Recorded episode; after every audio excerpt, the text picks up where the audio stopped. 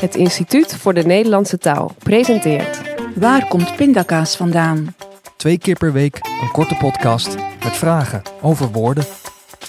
Pindakaas is best een raar woord. Wat heeft pindakaas nou met kaas te maken? En sinaasappel dan? Wat betekent dat sinaas?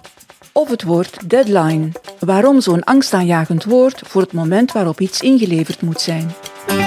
Deze en meer vragen over woorden komen aan bod in de podcast Waar komt pindakaas vandaan? van het Instituut voor de Nederlandse Taal.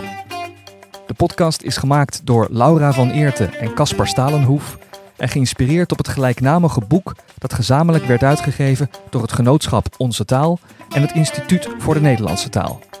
Abonneer je op de podcast in Spotify of Apple Podcasts, dan krijg je elke week twee antwoorden op vragen over woorden.